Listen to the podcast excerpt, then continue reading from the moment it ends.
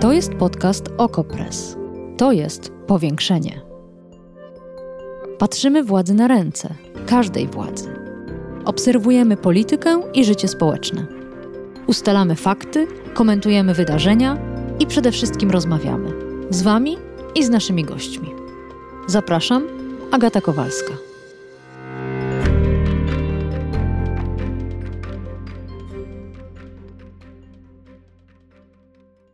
Dwóch Rosjan, Niemiec i czterech Amerykanów. Brzmi trochę jak początek dowcipu z czasów zimnej wojny. Ale to nie jest dowcip. To załoga Międzynarodowej Stacji Kosmicznej, która krąży nad Ziemią 400 kilometrów nad naszymi głowami. A na Ziemi wojna. Kolejna wojna. 24 lutego, czyli w dniu ataku Federacji Rosyjskiej na Ukrainę, prezydent Stanów Zjednoczonych Joe Biden groził, że sankcje Zachodu uderzą m.in. w rosyjską obecność w kosmosie. Mówił, tu cytuję, odetniemy Rosję od około połowy importu zaawansowanych technologii. To uderzy bardzo mocno w zdolność modernizacji wojsk, ograniczy ich przemysł lotniczy, w tym programy kosmiczne. Jeszcze tego samego dnia, bardzo ostro i z niepohamowaną złością, odpowiedział prezydentowi Stanów Zjednoczonych Dmitrij Rogozin, czyli szef Roskosmosu, rosyjskiej agencji kosmicznej.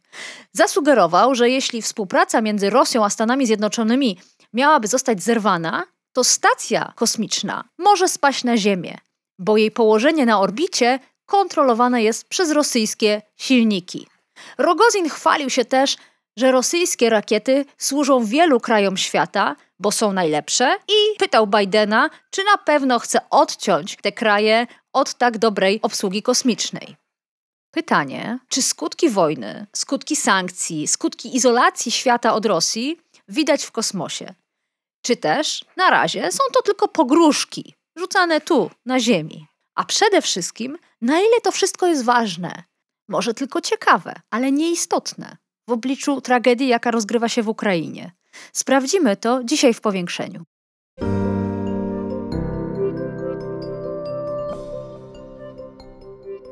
A gościem powiększenia jest pan Krzysztof Kanawka, prezes firmy z branży kosmicznej Blue Dot Solutions. Dzień dobry. Dzień dobry Państwu. Od tej wymiany zdań między Bidenem a Rogozinem minął tydzień. Czy stacja kosmiczna, Międzynarodowa Stacja Kosmiczna, została jakkolwiek dotknięta tą wojną, tym konfliktem, czy na razie pozostaje obszarem pokojowym? Wydaje się, że jak na razie jest to ostatnie pokojowe miejsce, ostatnie miejsce bez konfliktu i bez żadnych różnic zdań, nawet w branży kosmicznej, które się pojawiły. Tymczasem na stacji kosmicznej, jak były wykonywane prace naukowe, jak była wykonywana współpraca, tak nadal, e, tak nadal się to dzieje, nie ma tutaj zmian. NASA ogłosiło, że sankcje Zachodu wobec Rosji wyłączają tę część związaną z cywilną współpracą Rosjan i Stanów Zjednoczonych na Międzynarodowej Stacji Kosmicznej. Czy rzeczywiście tak jest? To znaczy, czy to jest możliwe, żeby tu toczyła się wojna, a tam spokojnie współpracowano. Musimy spojrzeć na twór, jakim jest stacja kosmiczna i współpraca wokół stacji mhm. kosmicznej z troszeczkę szerszej perspektywy. Mianowicie stacja kosmiczna powstała jako efekt politycznych dyskusji w latach 90., już po zakończeniu zimnej wojny, wówczas kiedy wydawało się, że świat e, jest piękniejszy, łatwiejszy, że konfliktów poważniejszych między nami nie będzie, a na pewno już nie w Europie. I wówczas e, wszystkie pomysły e, udało się scalić w jeden twór, czyli pomysł rosyjskiej stacji, następcy stacji Mir, e, pomysł amerykańskiej stacji Freedom udało się połączyć w jeden e, naprawdę fajny, ciekawy projekt, który nazywa się Międzynarodowa, Międzynarodowa Stacja Kosmiczna. I Międzynarodowa Stacja Kosmiczna od ponad dwóch dekad jest niesamowitym osiągnięciem i nie ma tutaj czemu co zaprzeczać, że jest to świetny przykład współpracy długoterminowej pomiędzy wieloma różnymi państwami, które już e, nieraz miały jakieś e, różnice zdań, już miały jakieś konflikty, już ze sobą się kłóciły i to już od e, pewnego czasu, ale jednak stacja kosmiczna do tego czasu trwała i kontynuowała swoje zadania bez większych problemów. Miało to także związek z tym, że przez długi czas Rosjanie jednak byli e, monopolistami w wielu przypadkach. E, chociażby 15 lat temu, podczas, e, podczas przerwy w lotach załogowych wahadłowców kosmicznych, nie było innej możliwości lotów na stacje kosmiczne, jak tylko rosyjskimi sojuzami. Później, gdy program wahadłowców został zakończony, a to już, nie, a to już było 10 lat temu, wówczas także się okazało, że jedynym środkiem lotu na stację kosmiczną załogową oraz powrotu z tego były rosyjskie załogowe statki Sojus. No a teraz sytuacja się troszeczkę zmieniła. Wydaje się, że w tej chwili tak y, wszyscy partnerzy stacji kosmicznej poza Rosją nie są już tak przyciśnięci do muru.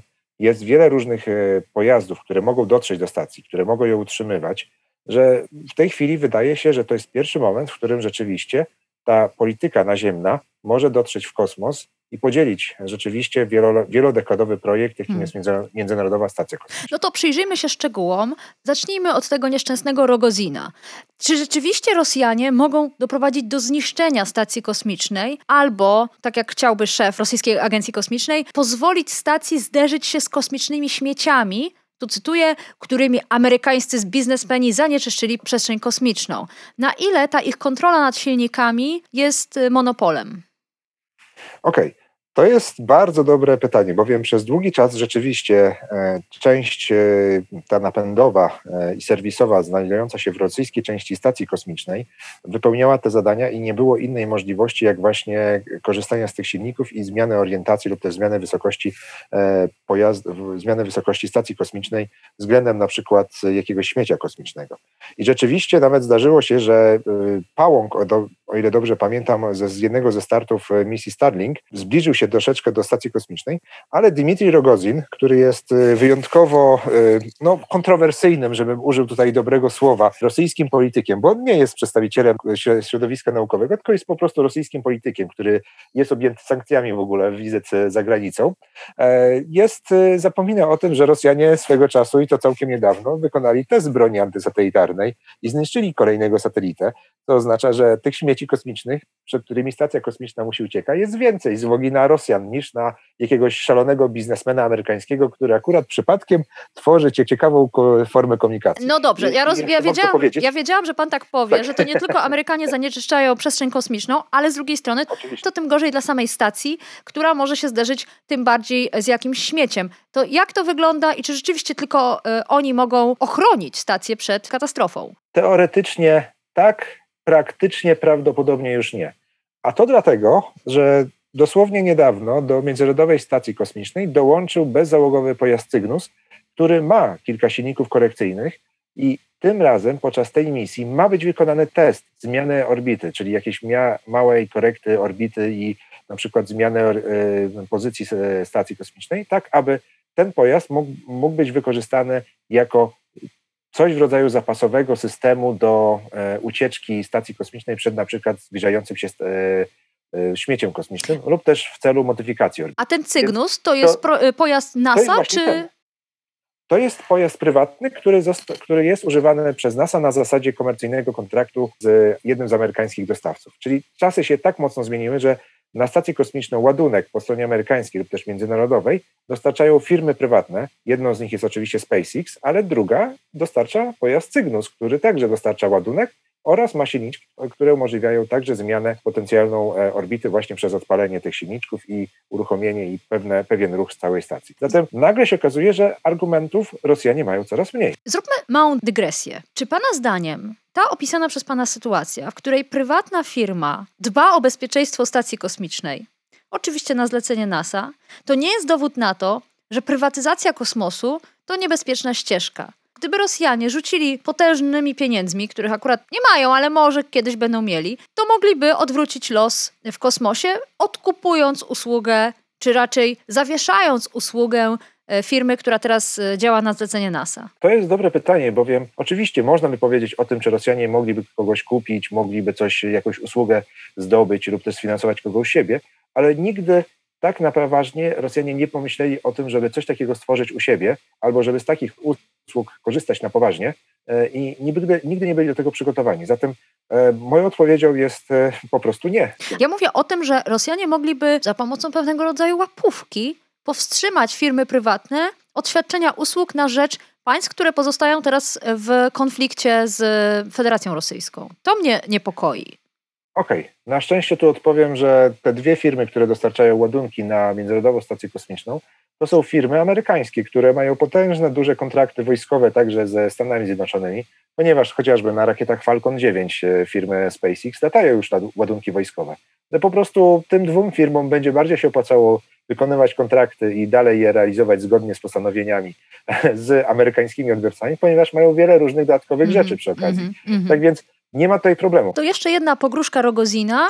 Zrzucenie 500-tonowej stacji kosmicznej na terytorium Indii albo Chin i dopisuje tutaj Rogozin jeszcze triumfalnie, że stacja kosmiczna nie lata nad Rosją, więc Rosjanom nic nie grozi. Gdzie tu fakty, gdzie tu pogróżki bez pokrycia? No cóż, stacja kosmiczna także czasami lata nad Rosją i zdarza się, że coś takiego się dzieje. A popuśćmy wodzem fantazję i załóżmy, że współpraca między Rosją i Stanami Zjednoczonymi tak się zepsuje, że Rosjanie nic nie będą robili na stacji kosmicznej, co też moim zdaniem jest absolutnie bezsensowne i nawet nie pomyślał o tym, żeby kiwnąć palcem i uruchomić jakiś silniczek podczas próby zmiany orbity, no to wówczas stacja kosmiczna naturalnie coraz bardziej będzie się zanurzać w tych górnych warstwach atmosfery, i coraz bardziej będzie obniżać swoją orbitę. To potrwa przynajmniej kilka lat, zanim stacja kosmiczna znajdzie się na tyle niebezpiecznym miejscu, że po prostu już rozpocznie się ten proces szybkiej deorbitacji, aż wreszcie spłonie nad e, jakimś miejscem na Ziemi. Zatem mamy przynajmniej kilka lat, żeby coś przygotować. A Rosjanie mogą tak? nakierować ją na tą szybką orbitę w kierunku Ziemi za pomocą kontroli silników, którą mają teraz? To byłoby już działanie typowego szaleńca, ponieważ to byłoby celowe działanie spowalniające E, ruch stacji i zmieniające jej orbitę, no na pewno nikt by się na tym nie zgodził. Kto wie, w tym momencie prawdopodobnie Amerykanie również by protestowali, ale na pewno wydaje mi się, że nikt by nie był tak głupi na pokładzie tej stacji kosmicznej, żeby coś takiego uruchomić, żeby zgodzić się na coś takiego. Czyli to stacja kosmiczna, czy załoga stacji kosmicznej musiałaby wykonać pewne ruchy, czy też pełna kontrola jest na Ziemi, w rękach rosyjskich? I Wydaje mi się, że i jedno i drugie. Uruchomienie silników jest możliwe zdalnie, oczywiście, z kontroli na Ziemi. To będzie, to, to będzie głupia sprawa, w szczególności, że Rosjanie dosłownie kilka miesięcy temu do, dostarczyli dwa nowe moduły na Międzynarodową Stację Kosmiczną. Byłoby niesamowitą głupotą. To jest to, co mówili wszyscy eksperci od wschodu, kiedy rozważali atak na Ukrainę, atak ze strony Federacji Rosyjskiej w ostatni czwartek. Ich poglądy zostały zweryfikowane. Absolutna głupota, szaleństwo, wszystko to się po prostu wydarzyło, więc Zobaczymy. Ale zostawmy na chwilę obsługę stacji kosmicznej, zastanówmy się nad transportem załóg, dostawami na te stacje, zaopatrzeniem. Czy to wszystko można robić bez udziału rosyjskich rakiet? No właśnie. Żyjemy w takich czasach, kiedy bardzo szybko po rozpoczęciu konfliktu na Ukrainie, przepraszam, wojny, najazdu, agresji na, na, na Ukrainę, pojawiły się zdania, że żyjemy w tej chwili, w 2022 roku, w takiej sytuacji, gdzie nie jesteśmy zakładnikami Rosjan, jeżeli chodzi o sektor kosmiczny, jeżeli chodzi o tą drobną część związaną ze stacją kosmiczną. A to dlatego, że jest przynajmniej jeden statek załogowy, który dobrze lata, który bezpiecznie wykonuje i regularnie wykonuje misję. A to dlatego, że są dwa pojazdy, które dostarczają ładunki na między, Międzynarodową Stację Kosmiczną. A to dlatego, że tak przypomnijmy przy okazji, że zasilanie do stacji kosmicznej jest dostarczane ze, ze strony tej międzynarodowej amerykańskiej. To właśnie tam, e, to właśnie, to właśnie tam cała, cała moc jest generowana, więc to nie jest tak, że e, cała społeczność międzynarodowa i wszyscy partnerzy międzynarodowi stacji, stacji kosmicznej są zależni od tego, co. Rosjanie powiedzą, ponieważ Rosjanie są tak samo zależni od strony zasilania. A może my w ogóle jesteśmy w błędnym punkcie kosmosu? I w ogóle nie tu, nie na stacji kosmicznej rozgrywa się ten konflikt, czy też skutki wojny rozpętanej przez Rosję.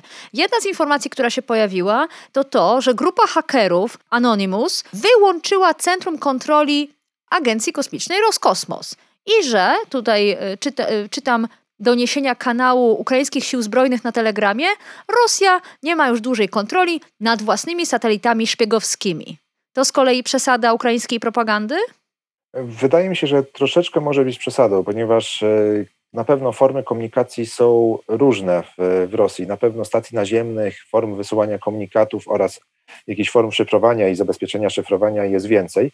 Natomiast faktem jest to, że z rosyjskimi satelitami szpiegowskimi, w ogóle z ich rozpoznaniem jest naprawdę coś nie tak, ponieważ kilka różnych zdjęć satelitarnych pokazujących skutki właśnie poszczególnych nalotów, ataków e, rosyjskich wyraźnie wskazują, że Rosjanie atakowali coś, czego nie było, coś, o czym nie wiedzieli, coś, co, czego nie było w tym miejscu już od jakiegoś czasu. Rosjanie mają bardzo ograniczone zdolności w ogóle rozpoznania e, wojskowego, no jednocześnie, jeżeli ktoś będzie im przeszkadzał właśnie w takich rzeczach jak sam dostęp do serwerów, sam dostęp do wysyłania jakichś komend satelitów, to rzeczywiście Rosjanie będą mieli coraz większe problemy w dostępie do własnych źródeł i własnych informacji na temat tego, co się dzieje na Ukrainie, terenie, gdzie nie wszędzie sięgają radary lub też samoloty wojskowe nie mogą wszędzie dolecieć w bezpieczny sposób. To przenieśmy się teraz na inny odcinek nieba. Ten chcieli wykorzystać twórcy projektu OneWeb, Brytyjczycy. OneWeb stworzony został na podobieństwo amerykańskich Starlinków Elona Muska i też zakładał utworzenie sieci satelitów, które miały opasywać Ziemię i służyć nam, internautom, szybkim przesyłem danych. Już wiemy, że pakiet satelitów utknął w trzewiach rakiety Sojus y, na kosmodromie Bajkonur w Kazachstanie. Ona miała go wynieść na orbitę, ale Rosjanie nie dopuścili do startu. Po pierwsze, dlatego, że udziały w OneWeb ma rząd brytyjski, a po drugie, co jedno z drugiego zresztą wynika, według Rosjan OneWeb mógłby być wykorzystywany do celów wojskowych. Na ile Pana zdaniem ta historia to tylko jeden z przykładów, jak Rosjanie trzymają nas w szachu za pomocą swoich sojuzów i swoich kosmodromów? No właśnie, i znowu żyjemy w innych czasach. Osiem lat temu byłaby ona rzeczywiście problematyczna, ponieważ wówczas dosyć dużo satelitów, w szczególności satelitów telekomunikacyjnych, latało na rosyjskich rakietach. I nie było dlatego alternatywy. Wówczas jeszcze nie wszyscy byli przekonani co do Falconów, nie było tak dużo małych dostawców z różnych państw e, rakiet nośnych. Chiny jeszcze wówczas nie miały tak dużo na przykład własnych e, możliwości latania. Teraz przewiduję, że oni na pewno zrobią ofensywę komercyjną dla swoich rakiet. A dzisiaj tak naprawdę w zasadzie Rosja dostarczała usługi e, wynoszenia satelitów na orbitę tylko dla własnego, dla własnego rządu lub własnego wojska oraz dla czasami niektórych jakichś klientów komercyjnych, których chyba największym był ten OneWeb. Mhm. Zatem tak naprawdę pojawia się, pojawia się tutaj pewna nisza, pojawia się tutaj pewna sytuacja, w której Rosjanie nie obsługują nikogo na świecie. Nie, nie, nie da, poza, to, poza kilkoma takimi przypadkami na, je, na stacji kosmicznej nie ma jakiegoś wielkiego wpływu Rosjan na rozwój sektora kosmicznego, a co więcej, cały świat po prostu poszedł do przodu i zaczyna korzystać z wielu różnych alternatyw, które po prostu są ciekawsze, są bardziej niezawodne i są nowsze. No, słyszę, że pozostaje pan optymistą. A na ile istotna jest informacja, że Rosjanie wycofali y, całą obsługę z kosmodromu w Gujanie francuskiej? W zasadzie tego się można było spodziewać, tyle że ten Sojus startujący, ta europejska wersja rakiety Sojus, jeżeli tak można powiedzieć, startująca z Gujany francuskiej, to była taka kilkuletnia, powiedzmy, znajomość pomiędzy Europejczykami a, e, a Rosją. Y, aż do momentu, kiedy nowa generacja rakiet, a lub też nowa, nowe generacje dwóch rakiet wejdą do służby y, i one będą właśnie tymi europejskimi rakietami. I tymi rakietami jest Ariane 6, czyli nowa, ciężka, duża rakieta europejska oraz nowe wersje rakiety Vega, czyli tej lekkiej rakiety nośnej, która także jest w tej chwili budowana, jest, do, jest rozwijana w Europie. Co prawda tutaj nie pamiętam, czy nie było jakichś komponentów ukraińskich i tutaj może być jakiś problem. Niemniej jednak wydaje mi się, że o ile dobrze pamiętam, w najbliższym czasie do tych y, dwóch rakiet europejskich dołączą jeszcze małe komercyjne europejskie rakiety budowane przez startupy i Gujana Francuska będzie jednym z takich miejsc startujących. Nagle to okazuje się, że no, wszędzie są alternatywy dla tego Sojuza. Zatem skończyła się praca, no ona się skończy za kilka lat, no ale prawdopodobnie skończy się szybciej, ale też nikt nie będzie za tym płakać. Amerykańska rakieta Antares E, jej część konkretnie, dolny stopień, jest budowany w Ukrainie. Czy, czy to ma znaczenie? Tak, to chyba jest, naj, to chyba będzie najbardziej widoczna ofiara tego całego konfliktu i tej, tej, tej całej agresji w Ukrainie ze strony wojsk rosyjskich, bowiem ta rakieta Antares rzeczywiście była budowana e, specjalnie pod pojazd Cygnus i miała być taką tańszą alternatywą od innych rakiet właśnie do takich możliwości, takich lotów na, między, na Międzynarodową Stację Kosmiczną. Ale Cygnus został zaprojektowany tak, że bez problemu można go umieścić pod innymi rakietami. Między innymi pod Atlasem 5, e, też inną amerykańską rakietą, e, która, e, która, która, się, która jest dostępna w tej chwili. Tak więc można założyć, że rakieta Antares po prostu no, niebawem wyjdzie ze służby. O ile dobrze pamiętam, jest, miejsc, jest sprzętów w Stanach Zjednoczonych chyba jest na dwa lub trzy kolejne starty, jeżeli chodzi o, o, o tę rakietę a później ten pojazd Cygnus będzie wynoszony za pomocą innych, mm-hmm. innych rakiet. Mm-hmm. To oznacza, że, ten, że przy okazji będzie można zbudować większą, bardziej potężniejszą wersję tego Cygnusa, na przykład z większymi zbiornikami paliwa do utrzymania stacji kosmicznej. Na ile Starlinki firmy SpaceX pomogą Ukrainie w łączności? Na ile jest to gest symboliczny, a na ile wsparcie dla ukraińskiego internetu? Wydaje mi się, że mamy kilka możliwości dostępu do internetu na obecnych czasach. Przede wszystkim wciąż większość z nas zapomina o tym, że mamy satelity telekomunikacyjne, które dzisiaj także dostarczają bardzo dużo internetu satelitarnego i one tak telewizja satelitarna wystarczy antena skierowana w jednym kierunku i wystarczy to do jakiejś łączności. Natomiast Starlink ma większe możliwości, jeżeli chodzi o przekazywanie, przesył danych, czyli po prostu przepustowość. I to może być naprawdę ciekawa sprawa, e, w szczególności w sytuacji, kiedy mm, będą jakieś miejsca, będą, e, będą różne sytuacje, gdzie bardzo blisko jakiegoś miejsca, gdzie Rosjanie podejdą, na przykład będzie wciąż dostęp do internetu i będzie można pokazać, co się daje, dzieje w, na, w danym miejscu. Mhm. Moim zdaniem dla rządu ukraińskiego będzie to na pewno bardzo dobra sytuacja do komunikacji z różnych wysuniętych miejsc, z różnych miejsc, które potencjalnie mogły być uszkodzone i gdzie potencjalnie na przykład y, chwilowo nie było y, zasilania. I Starlink potencjalnie może, może być takim miejscem dopełniającym to wszystko. Zatem największą zaletą Starlinka jest taka mobilność. Aczkolwiek tutaj tylko jeszcze dodam, że jest jeszcze kilku innych operatorów komercyjnych, europejskich czy amerykańskich, którzy dostarczają podobne usługi, więc prawdopodobnie na Ukrainie będzie szansa na 3-4 różne e, alternatywne względem siebie do, sposoby dostępu do internetu, nawet jeśli Rosjanie będą starali się to odciąć. Ale mówimy raczej o skali y, na potrzeby wojska, na potrzeby władz cywilnych, nie na potrzeby poszczególnych obywateli, prawda? Wydaje mi się, że. Bo potrzebna jest ta y, stacja, y, czy ten tak. modem, jak byśmy to dawniej tak. powiedzieli. Stacjomodem. Te stacje modemy zostały dostarczone e, w dosyć dużych ilościach na, na terytorium właśnie Ukrainy. I w, w Ukrainie na pewno ktoś kreatywny i zorientowany wokół tego wszystkiego będzie w stanie dobrze ustalić, które miejsca będą takie, takim regionem, gdzie na przykład będzie dostęp do internetu i na przykład postawi chociażby lokalną sieć, sieć bezprzewodową, która będzie zasilana właśnie internetem ze. Moim zdaniem jest to możliwe i jest to wykonalne z tej, z tej perspektywy. Hmm. Czy ominęliśmy jakiś punkt tego frontu kosmicznego, na który pan chciałby zwrócić uwagę? Tak, chciałbym zwrócić uwagę na to, że y, rosyjskie rakiety Sojus w tej chwili korzystają także z europejskich komponentów. I to może być ciekawa sytuacja, ponieważ może się za chwilę okazać, że Rosjanie nie będą w stanie na, tak naprawdę wykonywać lotów na swoje własne potrzeby, e, z uwagi na to, że po prostu komponenty i do, do tych rakiet będą pochodziły z Europy. Po prostu okazało się, że kilku producentów, chyba z Niemiec, potrafi coś zrobić lepiej niż dotychczas się robiło to w, w przypadku Rosji. No i nie było problemów do, dotychczas, żeby coś takiego było przekazywane do. Ale może e, mają zapasy na dwa lata, jak Amerykanie. Możliwe, Możliwe, że tak może być. Mam nadzieję, że te informacje na ten temat się pojawią w najbliższym czasie i że to się to, e, tutaj będzie kilka dodatkowych informacji i zobaczymy, jak to pójdzie. Natomiast wiele z rosyjskich projektów, jeżeli chodzi o tę cywilną, o tą cywilną część sektora kosmicznego, od wielu lat żyło w potężnym kryzysie. I tak naprawdę e, poza wojskowymi tymi działaniami, wiele cywilnych, e, komercyjnych, kosmicznych rzeczy właśnie rosyjskich miało coraz mniejsze budżety z rok na rok. I okazuje się, że już kilka lat temu, przed ostatnimi cięciami, NASA była w stanie zrobić wielokrotnie więcej w ciągu jednego roku niż e, cała Rosja w ciągu dekady. No a Rosja przez cały czas ostrzy swoje zęby i bardzo agresywnie mówi o wielu różnych rzeczach, jak to, to oni tak naprawdę potrafią. Ale to moim zdaniem jest w tym przypadku, jeżeli chodzi o kosmos, tylko tylko wymachiwanie, to być może nawet nie szabelką, ale i coraz bardziej stępioną dzidą, która niestety coraz mniej potrafi. I nagle się okaże, że Rosja nie, już nie jest tym mocarstwem e, kosmicznym, mocarstwem globalnym, tylko tak naprawdę państwem, państwem drugiej ligi, jeżeli chodzi o możliwości w kosmosie.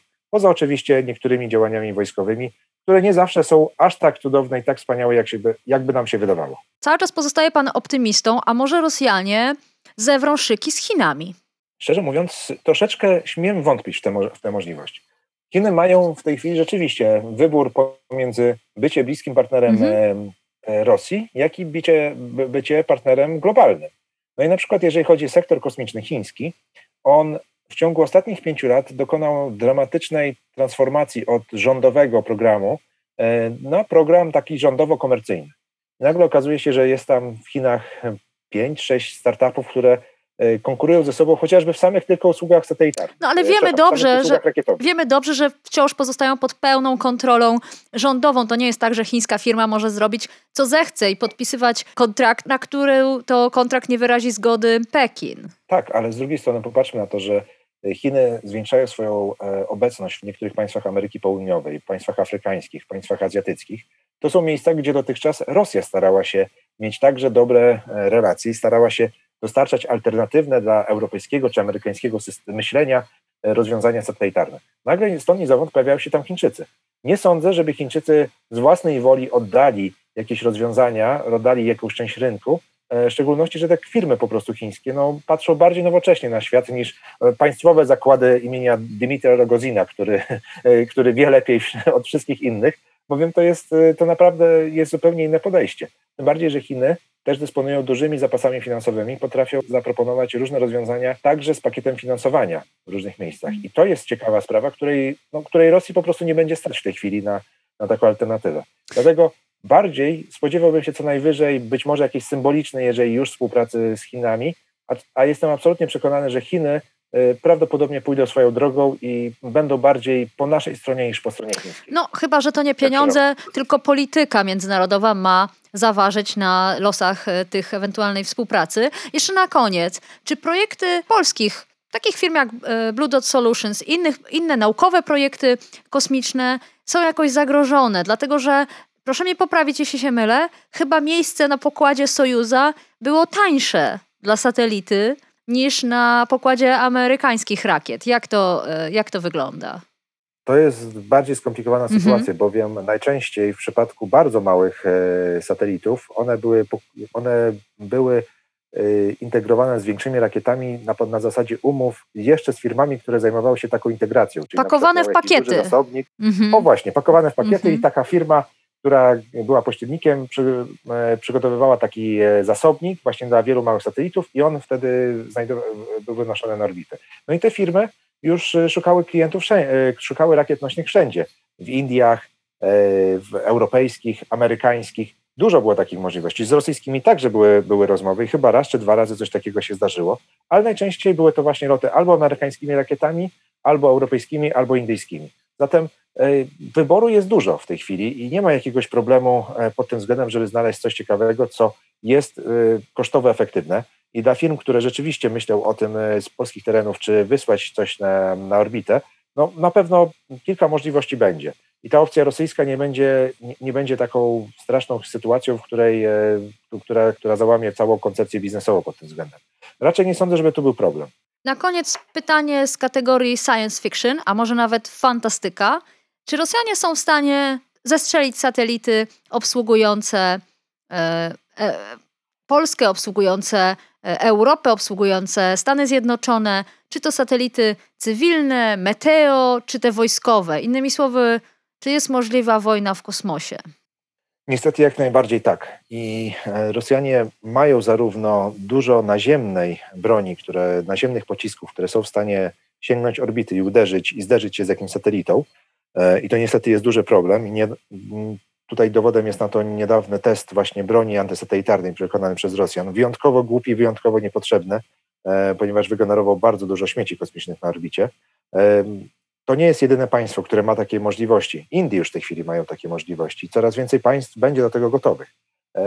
Tak naprawdę pytaniem jest, jaka jest zasadność i potrzeba zniszczenia któregoś z satelitów, kiedy tych satelitów jest tak dużo, że po prostu y, nie, może nie wystarczyć pocisków te, y, do tego wszystkiego, a każdy uszkodzony, nowy, każdy uszkodzony satelita to nie jest tak łatwa i prosta sytuacja jak w przypadku chociażby zestrzelenia samolotu niestety, bowiem te śmieci kosmiczne krążą na orbicie i mogą też zaszkodzić własnym satelitom.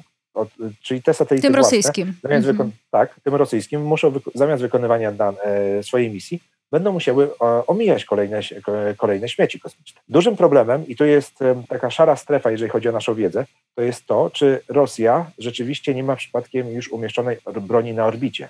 Czy nie ma jakichś możliwości e, niszczenia satelitów na orbicie. A to by coś e, zmieniało? To by było jakoś tak, zasadniczo inne?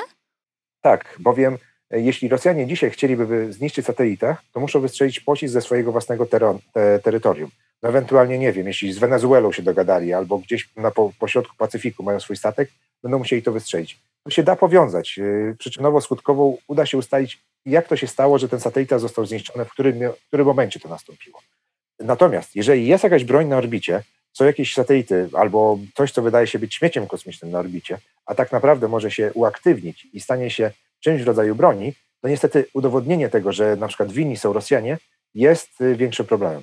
Wydaje mi się jednak, że Rosjanie jeszcze nie opracowali wystarczająco dobrze takich technologii. Wykonali w poprzedniej dekadzie może trochę takich testów orbitalnych, które mogły być e, związane z potencjalnym przygotowaniem do użycia i rozmieszczenia broni orbitalnej, ale mogło być zawsze, może być w tej chwili jeszcze za wcześnie mhm. e, do tej sytuacji, aby operacyjnie korzystać z, te, z, tych broni. A jaka jest konstrukcja takiej broni? Bo to chyba nie są kosmiczne lasery, jakbyśmy sobie wyobrażali. Nie, bardziej może to być na przykład albo pocisk y, umieszczony na pokładzie jakiegoś satelity wystrzelony w odpowiednim momencie.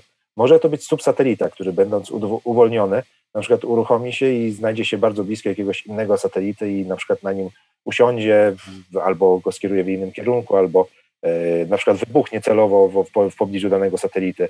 E, możliwości jest dużo tak naprawdę, bo chociażby samo zniszczenie paneli słonecznych albo samo zniszczenie jakiegoś elementu optycznego na pokładzie jakiegoś satelity może być na tyle problematyczne, że no, ten satelita już będzie spisany na straty, ponieważ nie może wykonać swojej misji. Więc takich możliwości na pewno jest dużo. No i kilka z tych testów e, Rosjanie wykonali w, w poprzednich latach, w poprzedniej, w poprzedniej dekadzie. Część z nich e, jest chyba nadal wykonywanych, ponieważ jest taki rosyjski satelita Łódź na orbicie geostacjonarnej, który czasami zbliża się za bardzo do innych satelitów i pytanie jest to, co tak naprawdę robi. Czy mm. tylko nasłuchuje, czy też na przykład testuje możliwości, mm -hmm. czy ćwiczy, właśnie. Mm -hmm. Więc pojawia się kilka takich pytań, jak to wygląda e, z tej perspektywy. Niemniej jednak osobiście uważam, że Rosjanie dopiero rozwijają tę technologię i ten konflikt, który w tej chwili się rozpoczął, z tej perspektywy Rosja nie jest przygotowana do jakiegokolwiek ofensywnego działania bezpośrednio w kosmosie. Krzysztof Kanawka, prezes firmy branży kosmicznej Blue Dot Solutions. Bardzo dziękuję za całą rozmowę. Dziękuję bardzo. Powiększenie. Podcast Okopres. Prowadzenie Agata Kowalska. Podcast znajdziesz na stronie Okopres i w Twojej ulubionej aplikacji do podcastów. Redakcja OKO.press działa od 2016 roku. Jesteśmy obywatelskim narzędziem kontroli władzy, obecnej i każdej następnej. OKO.press utrzymuje się z Waszych darowizn. Wesprzyj nas, byśmy mogli działać dalej.